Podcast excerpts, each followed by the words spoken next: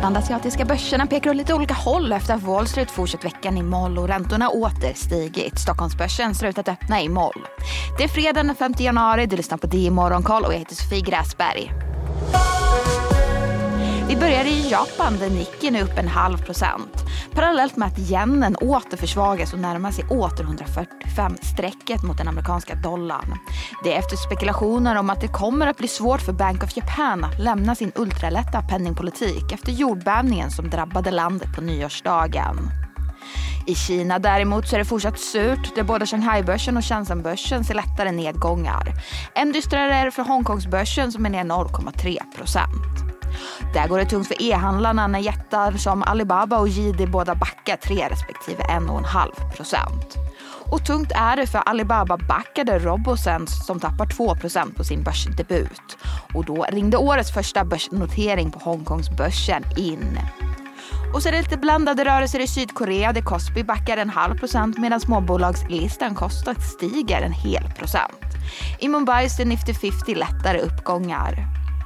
Men vidare till USA där breda S&P 500 backade 0,3% medan tekniktunga Nasdaq var ner över en halv procent. Den amerikanska tioåringen steg upp till 4% efter att ADP-siffrorna kom in starkt och antalet nyanmälda arbetslösa kom in lägre än väntat. Senare idag så får vi den viktiga jobbrapporten Non-Farm Payroll. Men på tal om räntor så har förhoppningarna om räntesänkningar från Fed redan i mars sjunkit efter att Feds decemberprotokoll släpptes i veckan. Nu ligger förhoppningen på bara 62 procent enligt CMI Fedwatch Tool.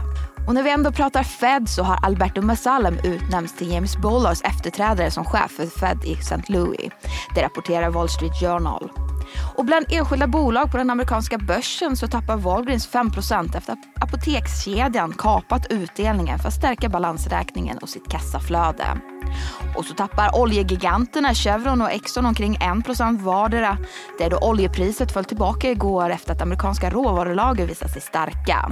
Oljepriserna har återhämtat sig något nu under morgonen och ett fat Brent kostar nu åter 78 dollar fatet och VTI 72 dollar fatet. Så till Sverige där vi noterar Stockholmsbörsen som går mot en sur öppning. Även tar halvdag och stänger vid 13 idag. Och flygresandet till Sverige fortsätter att återhämta sig.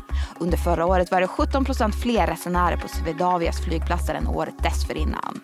Och så kan nämnas att den brittiska banken Barclays inledde bevakning på Nibe och ser en uppsida på 50 procent för värmepumpsbolaget. Men det var allt för den här nyhetsuppdateringen. Det är Morgonkollet tillbaka igen på måndag och då drar även Börsmorgon och Börskoll igång som vanligt. Du har lyssnat på Det är Morgonkoll med mig, Sofie Gräsberg. Vi hörs.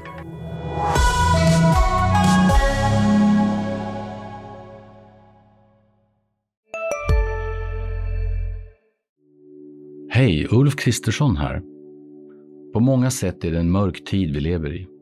Men nu tar vi ett stort steg för att göra Sverige till en tryggare och säkrare plats.